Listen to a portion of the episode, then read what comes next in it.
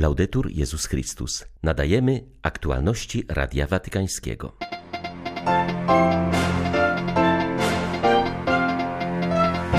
Franciszek liczy na odnowienie porozumienia z Chinami. W wywiadzie dla agencji Reutera ujawnił, że w swym podejściu do tego kraju opiera się na pozytywnej ocenie osiągnięć watykańskiej Ostpolitik kardynała Casarolego. Wciąż pamiętam o tym, co kardynał Humes powiedział mi po konklawę. Nie zapominaj o ubogich, napisał Franciszek w telegramie kondolencyjnym po śmierci byłego metropolity São Paulo. Rosjanie mają nową broń przeciw Ukrainie, podpalają łany zbóż przed żniwami, mówi w codziennym orędziu arcybiskup Światosław Szewczuk. 5 lipca witają Państwa Marek Krzysztofiak i Krzysztof Brąk. Zapraszamy na serwis informacyjny. Mam nadzieję, że układ z Chinami w sprawie mianowania biskupów zostanie odnowiony, nawet jeśli porozumienie to nie jest idealne, powiedział papież w obszernym wywiadzie dla Reutera. Amerykańska agencja informacyjna ujawniła dziś drugi fragment wywiadu, który dotyczy relacji z Chinami. Wynika z niego, że w podejściu do tego kraju Franciszek opiera się na pozytywnej ocenie osiągnięć watykańskiej Ostpolitik kardynała Cazorolego. Na mocy tajnej umowy zawartej z Chinami w 2018 roku papieżowi udało się mianować sześciu biskupów. Stolica Apostolska zatwierdziła też siedmiu biskupów, którzy zostali wyświęceni uprzednio bez papieskiej nominacji. Franciszek podkreślił, że Watykan pracuje w perspektywie długoterminowej. Porozumienie funkcjonuje dobrze i mam nadzieję, że w październiku będzie mogło zostać odnowione, oświadczył papież. Broniąc porozumienia, zaznaczył, że jest to taktyka małych, ale możliwych kroków. Porównał ją do kontrowersyjnej i budzącej wiele oporu polityki wschodniej kardynała Casarolego, kiedy Watykan zawierał czasem niewygodne umowy z komunistycznymi państwami Europy Wschodniej, by utrzymać Kościół przy życiu w czasie zimnej wojny i ograniczyć prześladowania. Franciszek przypomniał, że kardynał Casaroli był ostro krytykowany. Zdaniem papieża większość historyków jest zdania, że polityka ta umożliwiła przetrwanie Kościoła w krajach Europy Wschodniej aż do upadku komunizmu w 1989 roku.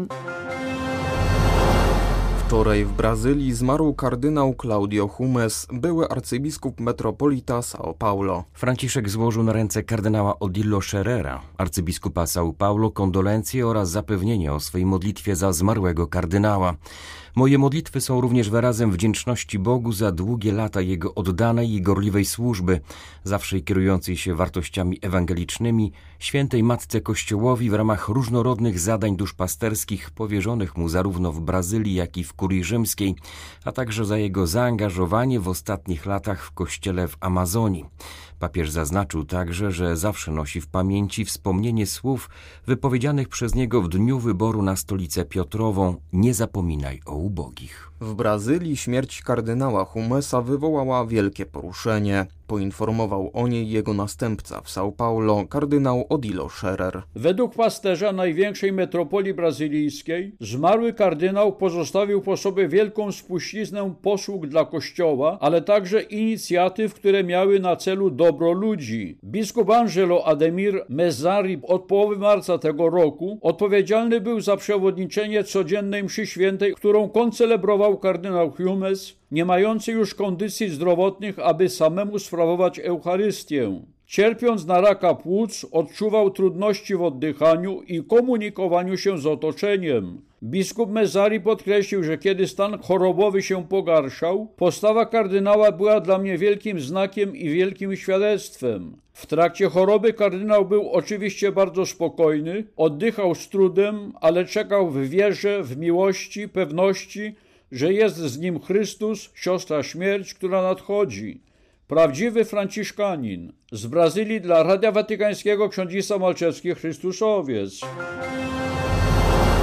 Papież Franciszek wyraził głęboki smutek z powodu bezsensownej strzelaniny, do której doszło wczoraj w Chicago podczas parady z okazji Dnia Niepodległości.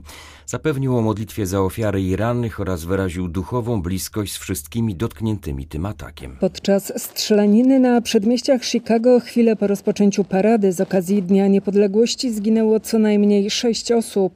W telegramie kondolencyjnym po tragedii w Chicago Franciszek wyraża przekonanie, że łaska Boża jest w stanie nawrócić nawet najtwardsze serca, umożliwiając odejście od zła i czynienie dobra.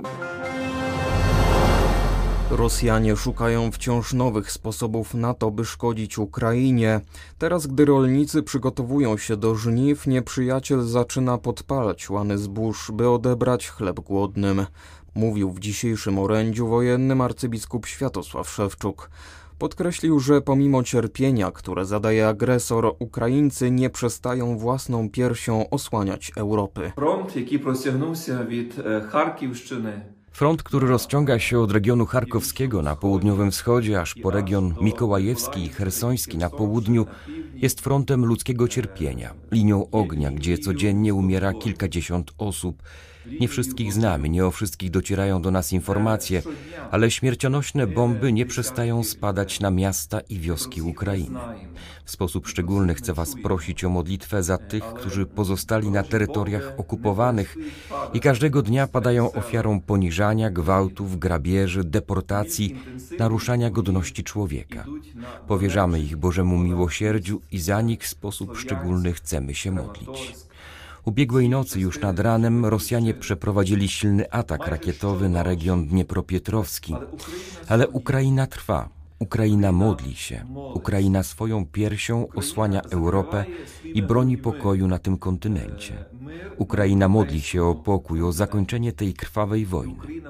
Dziś chciałbym Was poprosić o modlitwę za ukraińskich rolników.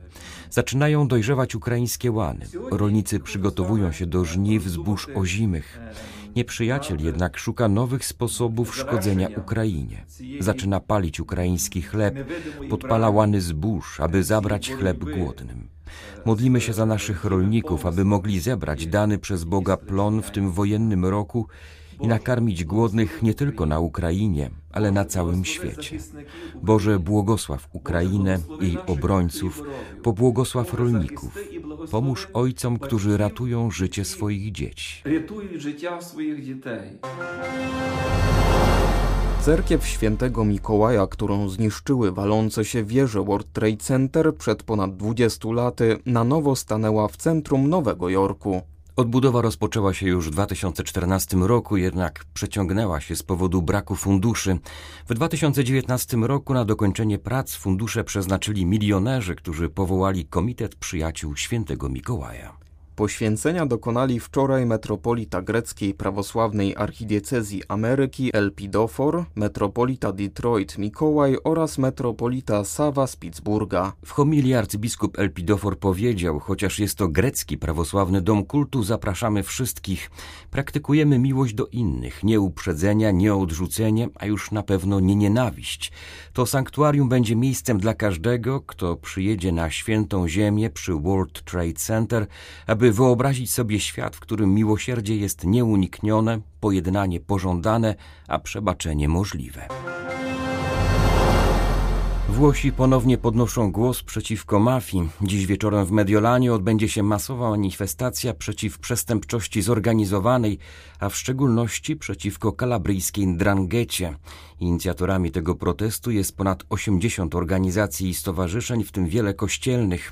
Czas kryzysu wywołanego przez pandemię sprzyjał rozwojowi mafii, która z coraz większą siłą rozprzestrzenia się po całych Włoszech. Stąd na miejsce manifestacji nie obrano Neapolu, Sycylii czy Kalabrii, lecz właśnie Mediolan. Chcemy zamanifestować nasz sprzeciw wobec mafii i dodać odwagi wszystkim, którzy na co dzień z nią walczą, mówi Katarina Boka z mediolańskiej Caritas.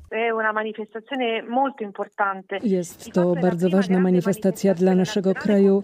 Po raz pierwszy na szczeblu ogólnokrajowym będzie się protestować przeciwko Ndrangecie, która jest jedną z wielu mafii w naszym kraju, ale dziś jest chyba najsilniejsza i najbardziej obecna we Włoszech i za granicą. Ważne jest, że ta manifestacja odbywa się nie w Kalabrii, lecz w Mediolanie, gdzie Andrangeta poczyniła wielkie inwestycje. Niestety na północy Włoch jest ona bardzo obecna i rozwija się. Podczas tej pandemii wszystkie organizacje przestępcze potrafiły wykorzystać kryzys, by podporządkować sobie wielu drobnych przedsiębiorców i handlowców, którzy musieli związać się z mafią. Będzie to miało bardzo poważne konsekwencje inwestycje dla naszego społeczeństwa. Od wielu lat Caritas i inne organizacje, które pomagają ofiarom lichwy, uruchamiają projekty, które wspierają osoby indywidualne i małe firmy, aby chronić je przed lichwą, bo Ndrangheta żeruje właśnie na tym. Questo. Papież Franciszek modli się za ofiary tragedii we włoskich Dolomitach, gdzie w wyniku załamania popularnego wśród turystów lodowca Marmolada zginęło 7 osób, 8 jest rannych, a 13 zaginionych. Drugi dzień po zejściu lawiny wciąż trwają akcje ratunkowe. Poszukiwania są bardzo trudne, ponieważ pokrywy lodu są twarde jak cement. Nie odpuszczamy jednak, mówi ksiądz Mario Brawin. Jest on proboszczem w miejscowości Kanazei, gdzie doszło do tragedii, a zarazem strażakiem i ratownikiem górskim. Ludzie są w szoku. Ta tragedia uderzyła w nas wszystkich, mówi włoski kapłan, prosząc o modlitwę w intencji ofiar, którym lud odebrał życie, poszkodowanych i zaginionych. Odnalezienie tych ostatnich żywymi, jak mówi, graniczyłoby z cudem. Szef pogotowia górskiego w Trydencie, Walter Kainelli, dodał, że przykro mu to mówić rodzinom zaginionych, ale być może nie uda się odnaleźć ciał ich bliskich, bo narażałoby to ratowników na ogromne niebezpieczeństwo. Poszukiwanych jest dziesięciu Włochów i trzech obywateli Czech. Przez Włochy przetacza się też debata, czy tej tragedii można było uniknąć, mówi Jacobo Gabrieli z Instytutu Badań Polarnych. Na pytanie, czy można było przewidzieć tę tragedię, odpowiedź brzmi nie. Takie zdarzenia mogą mieć zawsze miejsce, niezależnie od tego, czy jest zimno, czy gorąco. Z drugiej jednak strony były sygnały zapowiadające możliwe zagrożenie. Temperatury na lodowcu od dwóch miesięcy są o 3 stopnie wyższe niż zazwyczaj. Lodowiec jest nadwyrężony, a obecność wody zamiast lodu i śniegu czyni go dużo mniej stabilnym. Zwróćmy jednak uwagę, że gdyby do pęknięcia lodowca i wywołanej przez to lawiny doszło w nocy, nikt by o tym nie mówił i nie zastanawiał się nad możliwymi konsekwencjami na przyszłość. Mówimy o tym, ponieważ niestety są ofiary. Wykorzystajmy ten policzek, który dała nam przyroda, do zastanowienia się, jak traktujemy stworzenie. Rozpoczął się drugi etap podróży watykańskiego sekretarza stanu, który odwiedza pogrążone w wojnie kraje Afryki, w których w tych dniach miał przebywać Ojciec Święty. W czasie swego pobytu w Demokratycznej Republice Konga kardynał Pietro Parolin podkreślił, że nie przyjeżdża zastąpić papieża, ale jedynie zapowiedzieć jego wizytę. Podobnie wypowiedział się w Sudanie Południowym. Watykański dyplomata podkreśla, że sytuacja w tym najmłodszym państwie świata jest bardzo delikatna. Stąd podejmowanie wysiłków także przez Stolicę Apostolską, by zainicjować tam proces pojednania i doprowadzić do porozumienia, mówi kardynał Parolin. Czuję się umocniony doświadczeniem w Demokratycznej Republice Konga. Był to piękny i bardzo intensywny czas. Myślę, że także dla nich było to pozytywne wydarzenie. Świadczą o tym chociażby reakcje mówiące o tym, że przez tę wizytę doświadczyli bliskości i obecności Ojca Świętego. Mam nadzieję, że podobnie będzie w Sudanie Południowym. Duży nacisk będziemy kłaść na pokój, na wypracowanie zdolności do pojednania i podpisania porozumień, które pozwolą na zamknięcie tej bolesnej karty historii. Nadzieję pokłada się także w wyborach powszechnych w 2023 roku. Przyłączam się do papieża w działaniach i modlitwie na rzecz pokoju. Były to aktualności Radia Watykańskiego. Laudetur Jezus Chrystus.